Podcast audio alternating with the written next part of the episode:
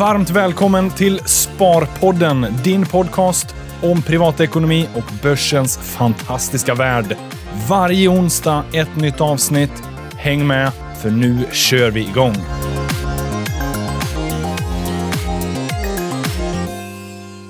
Välkomna Sparpodden avsnitt 236. Det är en värmebölja som drar in över eh, Stockholmsbörsen. Och vädret, tänkte jag säga. Men hur är läget Jocke? Jo, det är bra tack. Det är Ja. bra. Men börsen går bra nu. Ja. Det går bra för dig också. Du är nere i Barcelona ser jag mycket. ja. Eh, det är så dumt när det är liksom årtiondets varmaste majhelg. Ja. Åker jag till Barcelona där det är 16 grader varmt och regnar. Men, Oj. Det, var, det är så, det är sådana val man gör. That's det där med life. timing. Man kan aldrig tajma marknaden. Det har vi lärt oss sen Vädret tidigare. är ännu svårare, konstaterar jag. Men jag hade väldigt trevligt. Jag har varit och kollat på Formel 1. Just det. Eh, första gången i mitt liv. Det var superkul. Riktigt coolt. Ja, det var coolt faktiskt. För mig som är, ja det vet ni, eh, efter 150 poddar, att det finns ju ett svagt bilintresse hos mig som gör att jag eh, förstås även gillar racing. Så det var kul, det är imponerande. De är sjukt eh, duktiga, de som kör Formel 1. Det måste man säga. Och fort går det. Det går vansinnigt fort. Men du, vi sitter ju inte ensamma här. Det är dags Nej. att vi eh, kallar in våran gäst och även våran nya Sverigechef. Välkommen Martin Ringberg. Tack så mycket! Det är, eh, på tal om att det går fort, eh, vi får ju passa på att tacka av Eva. Ja. Eva som vi har haft med här i podden ett gäng gånger. Hon gjorde ju sin sista vecka på Nordnet under förra veckan. Ja, Och eh, och hon ska gå till en konkurrent och då, Ja. då får man gå direkt. då får man gå Ja, direkt. så, då, Så det funkar. ja. så det är gött att vi har en ny Sverigechef på plats redan första veckan. Ja, Ja. Och hur känns det? Den klassiska frågan Martin. det känns eh, omtumlande först och främst. Ja. Eh, som sagt, det har ju inte gått så himla lång tid här nu. Det är ett par dagar in på nya jobbet. Ja. Och, och det är full fräs från första, från första början. Och jag, hopp, jag jobbar just nu på att ta mig från eh, längst bak i bussen och mötesscheman till att på något sätt komma framåt eh, ratten. Ja. Mm. Och du kommer att landa där så småningom. Jajamän. Du har ju varit här på Nordnet i snart ett år nu. Eh, Sex månader. Sex månader? Ja. Ah, okej. Ja, Känns kanske som ett år för dig. Känns kanske som ett år. Man hör, man hör ju dig i korridorerna, Ja, Martin. vad skönt. Ja. Ja. Så det eh, blir jättebra. Superkul att ha dig ombord. Eh, men och vi, det är ju liksom, uh, får vi börja med. Uh, vart är du ifrån och vad har du för dialekt och uttal? Ja, det är en eh, jättebra fråga. Jag, har, jag är ifrån Blekinge från första början. Ja. Och ett eh, fantastiskt ställe där som heter Olofström. Ah, okay. ja. Yes. Vilket är en superliten stad då antar jag? Eller? Ja, det är en ganska så liten stad där eh, Volvo och industri Ja, det är är klart väldigt... Volvo. eh, Kanske precis. får jag gå och lägga ner, går det rykten om faktiskt, i Olofström. Ja, men de är så väldigt, väldigt duktiga där. Så Ja. att, jag vet inte katten om Nej. de klarar det. Hoppas på det. Ja. Hoppas det. Håll Ja. tummarna. Ja. Så där är jag ifrån, men jag har bott i Stockholm i 22 år nu. Men det är ju lite Blekinge-mål kvar. Ja, jag hoppas att det är det. Men Ja. det beror på lite vem man, vem man pratar med. Pratar jag med någon som är från Blekinge så tycker de att jag pratar stockholmska. Och Ja. när man pratar med stockholmare så tycker ju de att jag pratar eh, Blekingemål. Mina, när det gäller min dialekt så brukar vi ju eh, skoja lite om det här. Men alltså, min dialekt har ju svårt att uttala R Ja. som, eh, som, en, som en stockholmare gör. Ja. Ja. Och det här blir lite problematiskt i Jockes titel. Ja, den är ändrad nu. Det, det, är det, är, det är spa-ekonom. Ja. Ja. Eh, det är väl jag egentligen min för, det, det Jag första jag och agerar prova på. badkar. Det, det första jag agerar på det är att Jocke eh, blir- är inte längre sparekonom utan nu är han. Spa-ekonom. Ja. Så det blir Selma Lagerlöf, Yassir Aragi och... Ja. Så den här podden kommer ta en helt ny vändning. Ja, hoppsan. Sitter jag i ett badkar i Ja, Det här blir ju då Spa-podden. Spa-podden. Så då betyder det att jag kan också hänga med och sitta i de här badkaren. Precis. Men det är kul, Tillsammans kul Martin, att du har kvar dialekten lika mycket som jag har kvar min värmländska. Ja. Det känns, känns bra.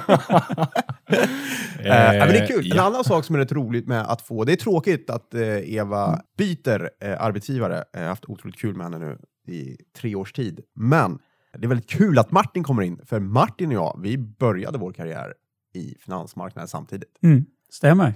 På You go way back. Och det känns så här, ja. det är 20 år sedan i höst Ja.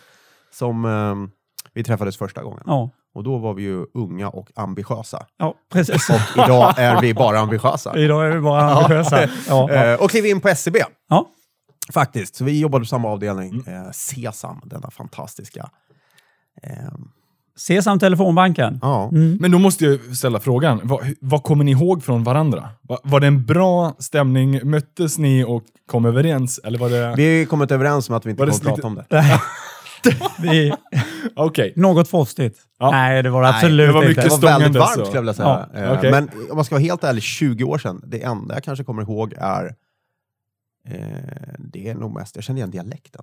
Ja, Jag gjorde det. Eh, rösten, eh, dialekten. Och det är kanske det man gör eh, när man inte har träffat. För vi har inte träffats sedan dess. nej. Vilket är ganska bisarrt, för den här branschen är inte så stor. Och Stockholm är inte så jättestort heller. Men, Precis. men väldigt, väldigt roligt faktiskt. Men det jag kommer ihåg det är i alla fall att vi hade någonting gemensamt och det var ju ett aktieintresse. Ja. Eh, och det samlades vi ju verkligen kring på Sesam Telefonbanken. Då. Absolut. Så är det. Men kan inte berätta, vad hände, vad hände med dig sen efter det? Ja, vad hände med mig sen? Ja, men, eh, jag stannade kvar och har gjort eh, karriär i, i SCB under den tiden. Jag har jobbat på lite olika ställen. Eh, jag har eh, jobbat med som ja, private banker, aktiemäklare. Eh, jag har varit företagsrådgivare ett tag. Jag har varit på försäljningsansvarig på fondbolaget SEB Fonder. Ehm, de, jag byggde upp och tillsammans med några andra en sparorganisation kallar vi det, där vi egentligen tog ett samlat grepp Eh, kring eh, då SEBs sparprodukter eh, i en och samma organisation där jag då var försäljningschef. De senaste två åren så har jag varit regionchef för SEB Tryggliv eller SEB Pension och Försäkring innan jag kände att nej, nu är det dags för att verkligen vara med och förändra och påverka världen. Och då kände jag att Nordnet är absolut den rätta plattformen för det. Kul. Grymt. Det tror jag också. Det ska bli riktigt, riktigt skoj faktiskt. Yes. Ja, och, och eh, då undrar man kanske som eh, lyssnare och Nordnet-användare, vad kommer hända framöver då? Oj. Har vi eh, revolutionerande produkter på ingång? Ja, absolut revolutionerande eh, produkter på ingång. Eh, och mm, allting kan vi väl inte eh, exakt prata om, men vi tittar på jättemycket saker kring hur vi faktiskt kan utveckla och förändra Finanssverige. Någonstans så är ju vi i Sverige ganska så långt framme vad gäller finansiella tjänster och, och, och produkter. Och där vi har oss som utmanare bland annat i hela systemet, där vi faktiskt kan påverka och göra det enklare, göra det smidigare för våra kunder. Och Jag brukar tänka någonstans på om du tar Alltså vi, är, vi, vi, vi, vi är så vana vid att använda digitala eh, applikationer. När vi tittar på eh, film eller vad det nu är så är det Netflix då om vi tar det som exempel. Ehm, och Det är ju otroligt smidigt att använda de här tjänsterna.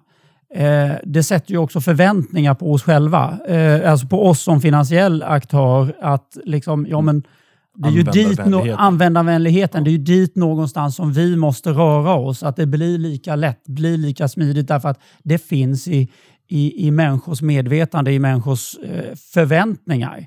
Eh, sen vet vi att vi är ju liksom absolut inte där, men det är ditåt som vi måste röra oss och det är min ambition att, att vi ska ditåt.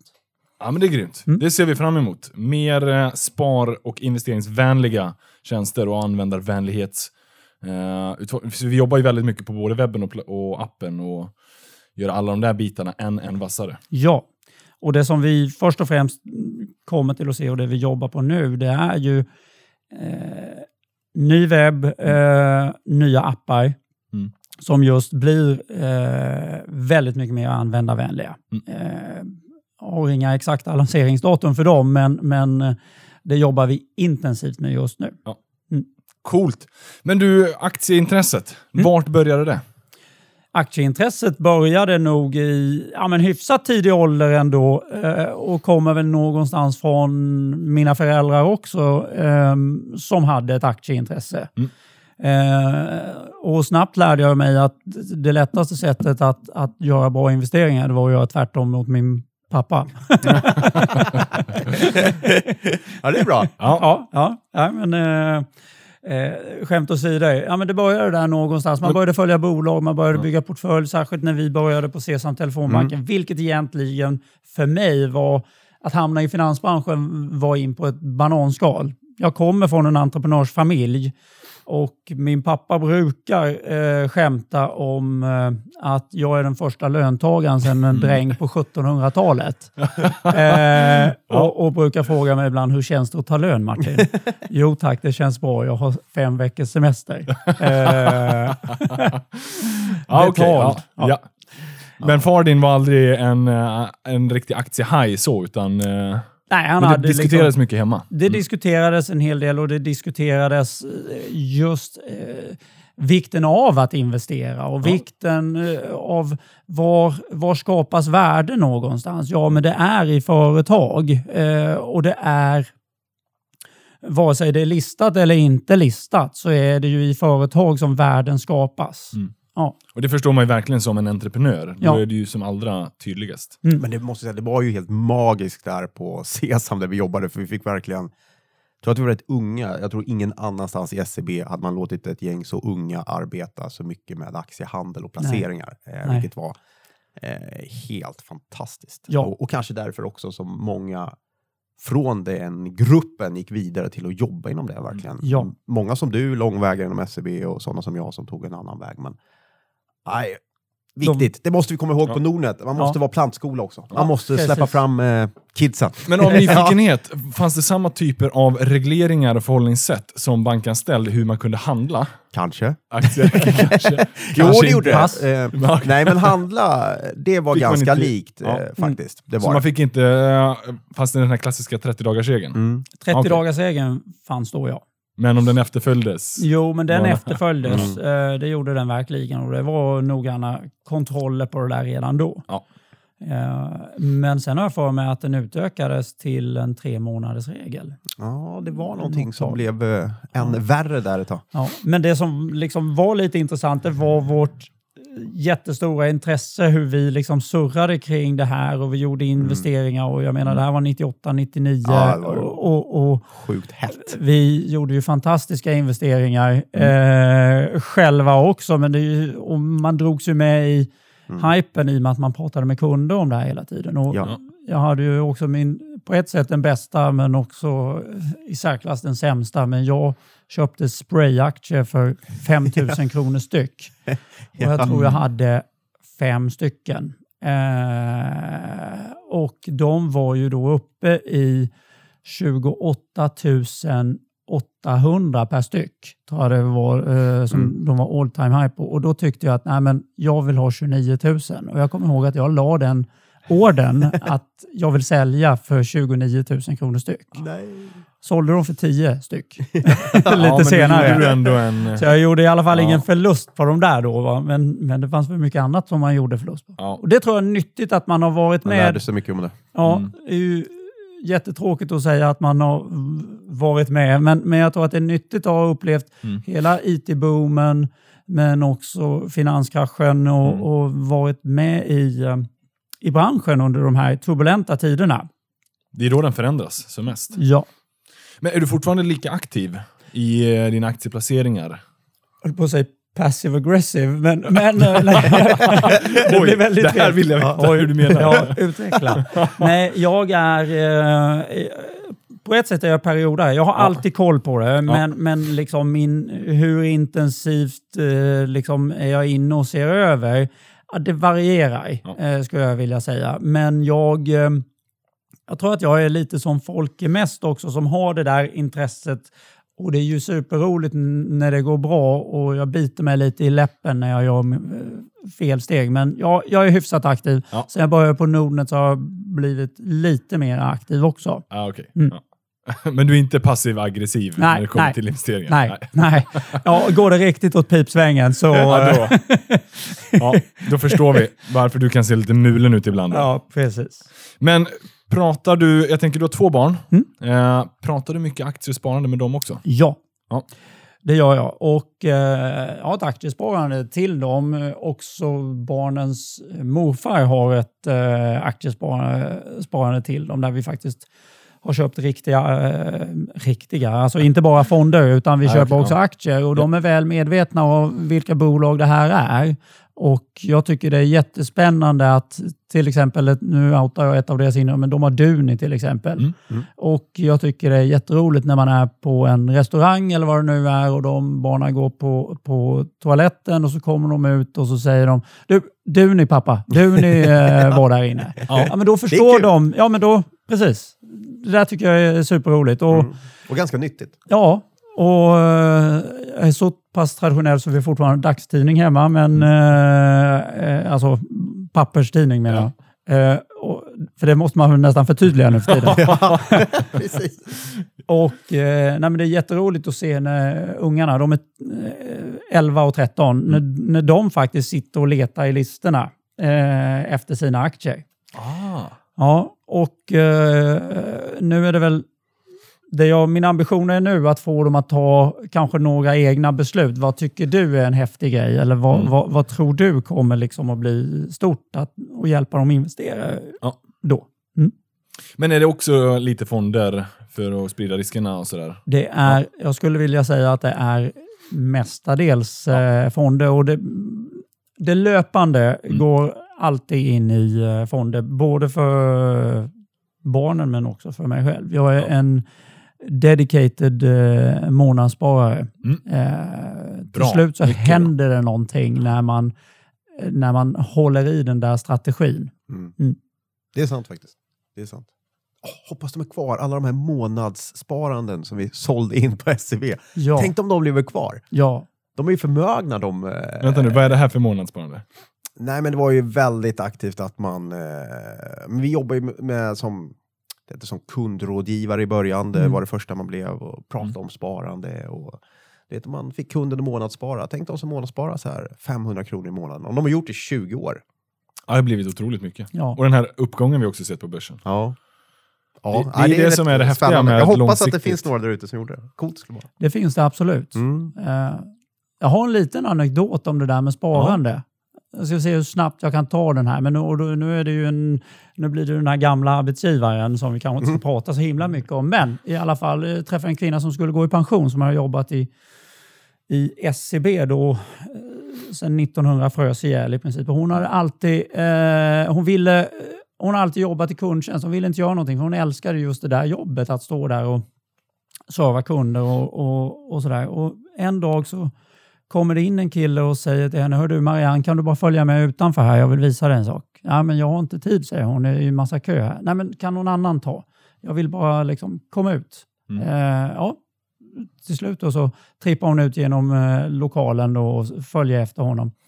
Och när hon kommer ut så eh, liksom visar han upp där och står det, står det en motorcykel där. Hon i princip vänder på klacken direkt och bara, du kan, det här kan du glömma, jag åker inte motorcykel med dig. Och han bara, nej, nej, jag menar inte så, säger han.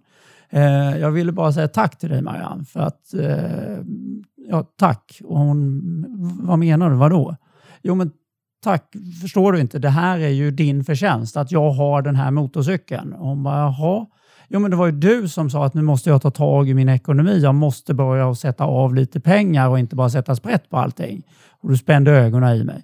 Och det gjorde jag. Och sen har jag fyllt på lite när jag har haft något extra. Och det är de pengarna som står där. Ja. Så tack Marianne, säger. Det är Och det, häftigt. Wow. ja, men det är en Ja. jättehäftig grej Mm. och det är ju någonstans eh, förklarar det liksom, vikten av ja, att sätta undan lite hela tiden. Det blir plötsligt någonting av det. Mm. Ja. Coolt. Riktigt intressant historia. Ja. Eh, det är så otroligt viktigt att bli påmind om det där. Den långsiktiga, långsiktiga sparandet Mm. och det här månadssätt, eh, månadsavsättningen. Mm. Det blir så mycket över tiden.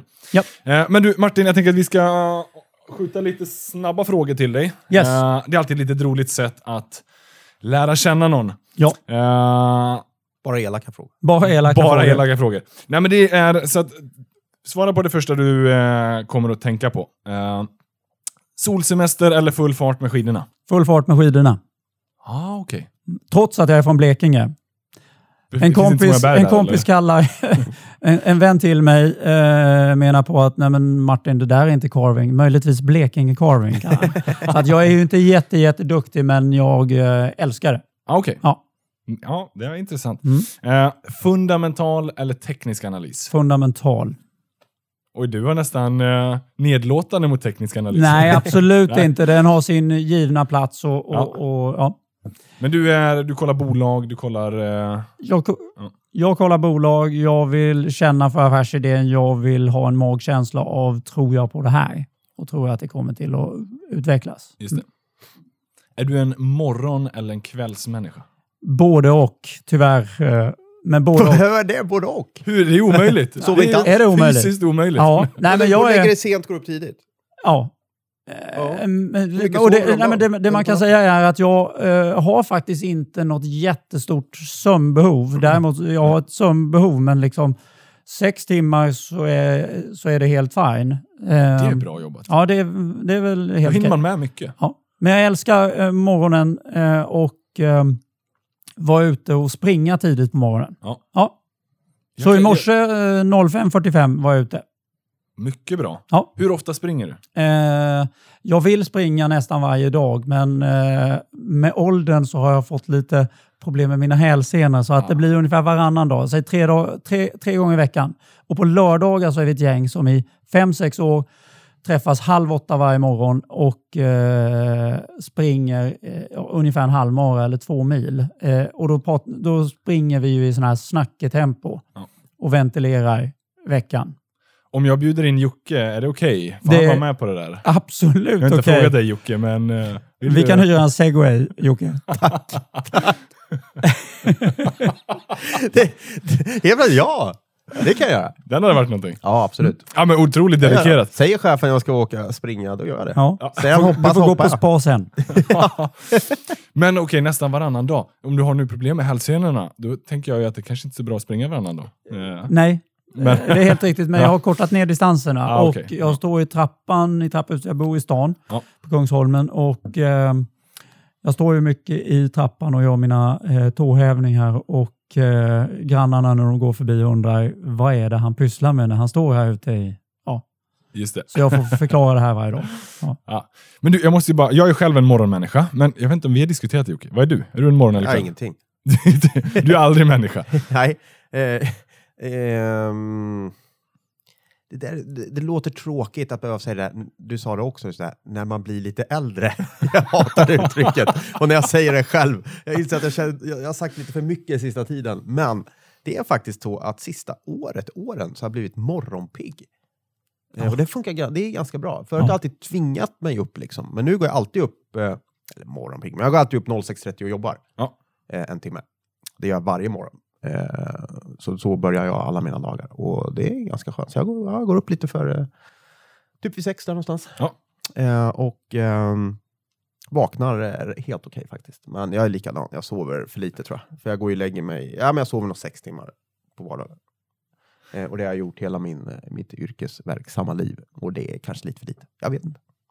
Ja, ni, ni båda sitter ju här och ser fullt friska ut, men... eh, men ja, Appearance is everything. Ja, exakt, exakt. Vi fortsätter. Eh, det här har vi egentligen gått igenom lite, men aktier eller fonder? Om du tvingas välja. Oj. Då måste jag säga fonder, Ja. eh, faktiskt. Mm. Och, och motivera gärna. Eh, men om jag måste välja så blir det fonder därför att då är det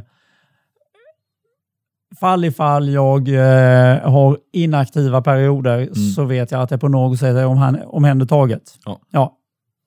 Och, det, och sen, som sagt, du håller på med både aktier och fonder. Men fonder, eh, man ska verkligen inte underskatta dem, utan det är ett bra sätt att, att risksprida sig och komma åt så många marknader. Yes.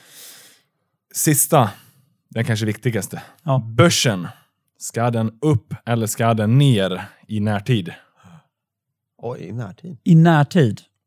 Jag vill veta hur jag ska lägga om portföljen över sommaren. Ja, eh, Är det precis. sell in May and stay away eller eh, köp till sillen och sälj till kräftorna?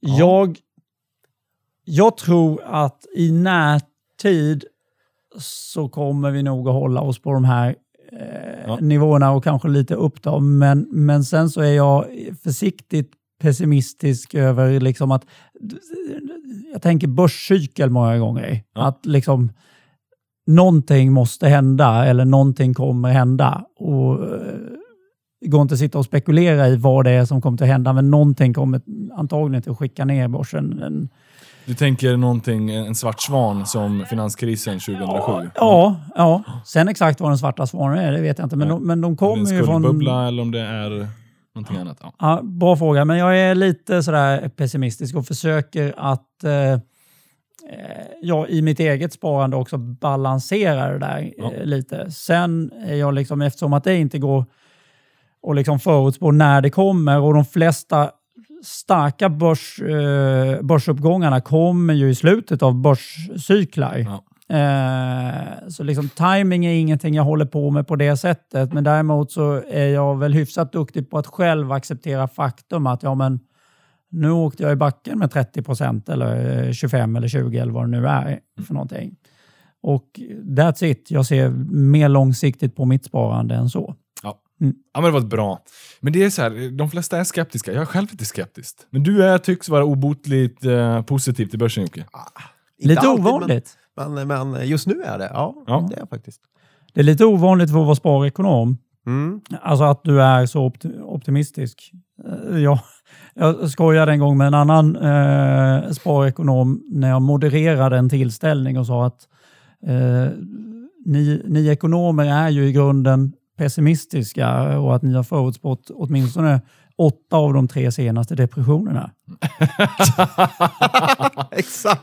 Just Ja, men jag skiljer mig nog lite där. Jag, Ja. jag tycker ju så här att man ska vara förberedd för nedgången. Ja. För du vet aldrig när den kommer. Du ska alltid vara förberedd på nedgång. Därför att justera din portfölj när den väl kommer, det är oftast dyrt och onödigt. Så var förberedd på den, för den kommer, men, men det är svårt att veta när. Känner jag mig positiv till börsen? Ja, väldigt många är ju skeptiska. Eh, så är det. Eh, men eh, nej, jag känner nog en, en viss optimism. Ja. Att, att hålla sig till den risknivå som man, som, Ja. som man kan acceptera, det är väl det som någonstans är viktigt och, Och det, det jag försökte säga kanske- innan. Och det är super, super svårt. Men viktigast, Ja. att hålla risknivån. Ja. Och, och jättemånga borde se över det nu, för nu har de alldeles för mycket aktier säkert. Eh, Precis, Faktiskt. precis. Eh, man ska till ha en risknivå som håller i Mm. både vått och torrt. Grymt.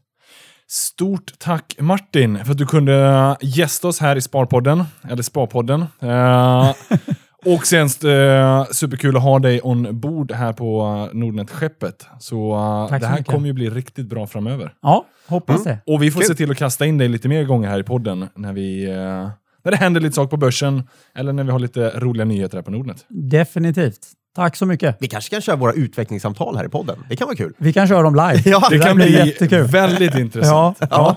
Absolut. Eller kanske inte. Ja. Det där kom jag på på... ja. Hur många spar har du hunnit med? Ja. Precis. Grymt. Okej, Stort Tack tack, så mycket. Tack så mycket. Det var Martin! Ja. Nu kan vi snacka skit om honom, för nu har han gått. Nej. Nej, förlåt. Nej, men eh, riktigt kul verkligen att ha med honom. Ja, jag är Sympatisk jätteglad, kille eh, och driven. Ja, jag är jätteglad att få honom som chef. Ehm, faktiskt. Eh, det ska bli superroligt att jobba med Martin igen. Han är en bra kille. Ja. Men vi måste i klassisk Spar på den andra lyfta lite lyssnarfrågor. Eh, vi har fått in en från Tolfta på Sharewill. Spar på den. Mina Melker Köling kvar i min depå. När och hur får jag mina pengar för dem? Tack för en grym podd, Micke. Eh, och den är ju lite eh, omständig. Melker Schörling är ju, eller var ett investmentbolag, noterat, är fortfarande ett investmentbolag, men avnoterat. Och blev ju uppköpt av ägarna och avnoterades, var det typ februari? Mm. Kanske var någonstans där. Mm. Eh, och de hade ju mer än 90% av aktierna, så det var en ganska smidig process och inga liksom, större komplikationer.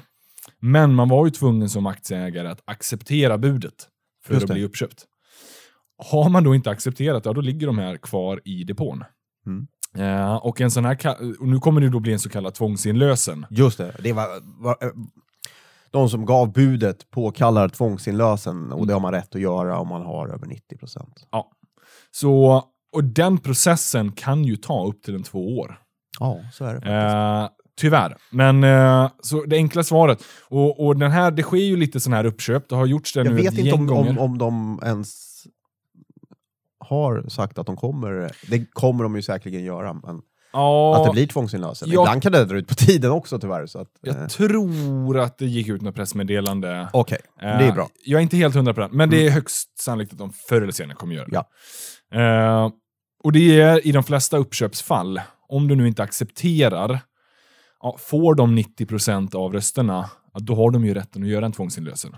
Ja. Eh, och oftast har de bättre advokater än vad du har. Så att, eh, Nej, men det är ju så. Det finns ju inget att, att sätta emot där. Utan, eh, det är så det blir då, Ja. helt enkelt. Och uh, man kan få en viss ränteersättning för den tiden Mm. som det ligger.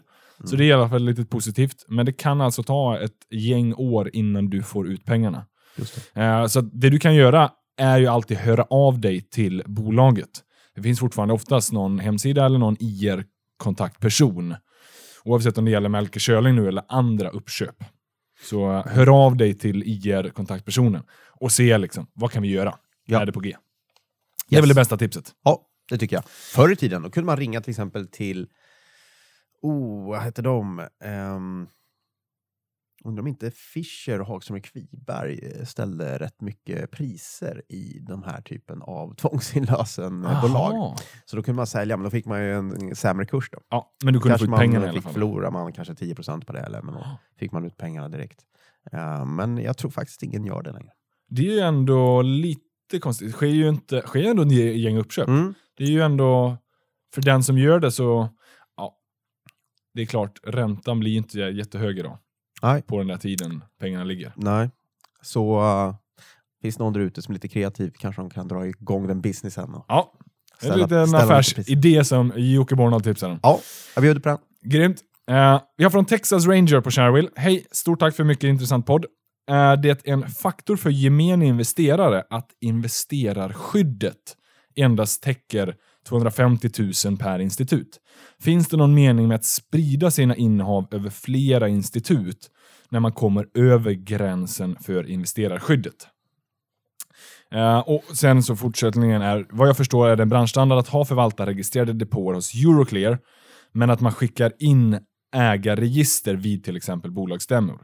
Ser ni någon risk att en förvaltare F och sen så är det massa stjärnor upp, ja, en, svordom helt enkelt, så att det går, eh, så att det blir problem helt enkelt och att du inte får ut dina aktier. Det är väl grundfrågan. Mm. Och en förklaring kräver ju av investerarskyddet. Det är ju alltså ett skydd, ett statligt skydd. Om banken där du har dina värdepapper konkar, tar med sig dem i fallet, så går staten in och garanterar 250 000 kronor per kund per institut. Jag var hos, det är Riksgälden som har det här, eh, eh den här garantin. De har ju både den och insättningsgarantin som gäller pengar. Eh, jag var och besökte dem för några år sedan och frågade om det fanns något praktiskt exempel. Mm. Och mig veterligen så gör det inte det. Nej. Så det har, vi har aldrig haft någon bank som har gått i konkurs och tagit med sig värdepapper i fallen. Nej, och det är så här, och det är kanske därför det skiljer i belopp också. Därför att Mm. när du har likvida medel, sparkonto, är det en miljon ehm, Insättningsgaranti. insättningsgaranti. Och den garantin är för att ja, då, då, där sätter man ju över hela sitt belopp, eh, och, och, eller sina pengar till bankens förfogande. Mm. Eh, är ju faktiskt vad det gör. För banken lånar ju ut de pengar, så de här pengarna finns ju inte tillgängliga egentligen. Nej. Och, utan de används av banken och då, då kan ju de försvinna i form av en konkurs. Så det är ett högre belopp, där är det en miljon. Hur det skulle bli aktuellt här då med värdepapper, ja det är till exempel om eh, alla fonder, aktier, obligationer och så vidare, ja de är faktiskt registrerade eller rent juridiskt så är det du som är ägare till dem. Mm. Så de kommer inte, in- blir inte involverade i en konkurs till exempel. Problemet skulle vara om banken inte skulle kunna leverera de här. Någon har Eh, fifflat med bokföringen, ja. flyttat till Karibierna med någonting. Jära, Ja, men, Ja. men det är liksom det det är väldigt osannolikt. svårt. Det är högst osannolikt att dina värdepapper inte skulle finnas på plats. Ja. Ehm, och det kontro- sånt kontrolleras ju också förstås. Så att, nej, det har nog aldrig hänt, utan det skulle vara till exempel kanske att du banken går i konkurs mitt i en försäljning eller någonting. Mitt Ja. i, ett, ett, i en affär som du gör. Där helt enkelt du inte fått leverans på aktier eller likvida medel. Och i det fallet skulle den här kunna sätta in då den här garantin. Mm. Men annars är det ganska osannolikt, utan vad man gör vid en konkurs, ja det är alla sådana här innehav flyttas ju över då till en annan bank som, som helt enkelt får administrera det. Så att, nej, det är inte så sannolikt att... Eh, Nej, för jag menar, vi har ju haft banker som har gått i konkurs. Mm. HQ och Carnegie och Nordbank och, och så vidare. och så vidare. absolut. Eh, så att, man kan nog vara ganska säker. Investerarskyddet har funnits sedan 98 tror jag. Eh, Och det finns inga större praktiska. Så att nej, man, man behöver nog inte sprida över flera institut för den sakens skull. Sen kan man göra det för att testa andra banker och deras tjänster och så vidare, men Ja. man sitter väldigt säkert. Ja, om man blir någon av de etablerade aktörerna så, så tycker jag inte att eh, man behöver fundera så jättemycket på det. Nej, äh, för det är ju Känns det ska också, mycket till för att... och väl värt att, att tänka på är ju att det här gäller ju bara banker som står under Finansinspektionens tillsyn. Så det är ju svenska banker som du har dina värdepapper hos. Mm. Eh, eh, gäller det utländska aktörer så kan det vara eh, lite skiljaktigheter. Just det. Men, eh, men sen fanns det en, en annan del av frågan, och den här om att branschstandarden, att man förvaltar registrerade depåer hos Euroclear. Eh, Och så går det ju faktiskt till. Egentligen, om man nu ska krasst hårdra det, så finns det bara ett Nordnet-konto. Mm. Eh, där alla tillgångar ligger hos Euroclear. Och sen så inför varje bolagsstämma så kommer man förvalta registrera dina tillgångar. Men det där är inte, det är ingen ovanlighet, utan det är så det, det går till. Det är fortfarande du som juridiskt äger dina Just det. värdepapper. det är det som skiljer depåsystemen hos bankerna Ja. och värdepapperskontot som man hade förr i tiden och fortfarande finns. Där man kan äga Mm. direkt eh, om man vill det. Men det är en betydligt mer komplicerad eh, historia. Eh, Är det det som också kallas notariekonto? Eller är det någonting helt annat? Nej, det vet jag faktiskt inte. Nej, Det kommer jag jag, jag blankar lite på den. Men, eh, men i vilket fall så, nej, det är inte så jättekonstigt att det är ett depåkonto och det ligger hos Euroclear och du förvaltar registreras inför bolagsstämmor eller andra företagshändelser. Ja. Eh, och det är eh, i högst osannolikt att någonting skulle ske där också. Det finns övervakning av Finansinspektionen. Euroclear är ju en, eh, en, en organisation utanför det där som hanterar allt det. Eh, Men högst relevant fråga, och den är lite komplex emellanåt. Så eh, summa summarum. Det är bra att det finns skydd. Både insättningsgarantin på en miljon gäller cash och investerarskyddet på en kvarts miljon som gäller alla värdepapper. Eh, Så vi har bra skydd i Sverige och generellt sett, håller man sig till de eh, etablerade aktörerna så då sitter man ju väldigt säkert. Yes. Och investerarskyddet är, ja, har som sagt mig vetligen inte använts någon gång. Nej. Grymt! Det här var avsnitt 236. Ja, härligt! Mycket härligt. Som vanligt, vi ses igen nästa vecka. Och har ni fler frågor så mer än gärna skjut in dem till oss. Vi försöker plocka upp så många som möjligt, eh, men vi hinner inte riktigt med alla. Men lägg in och lägg in dem då under eh, hashtag Sparpodden på Twitter eller i gruppen hashtag Sparpodden på Sharewill. Yes. Vi säger eh, lycka till i den här värmeböljan på börsen. Ja, ha det gött! Njut av solen. ja, så ses vi. Nu åker jag ut och åker hoj. Ciao. Hej!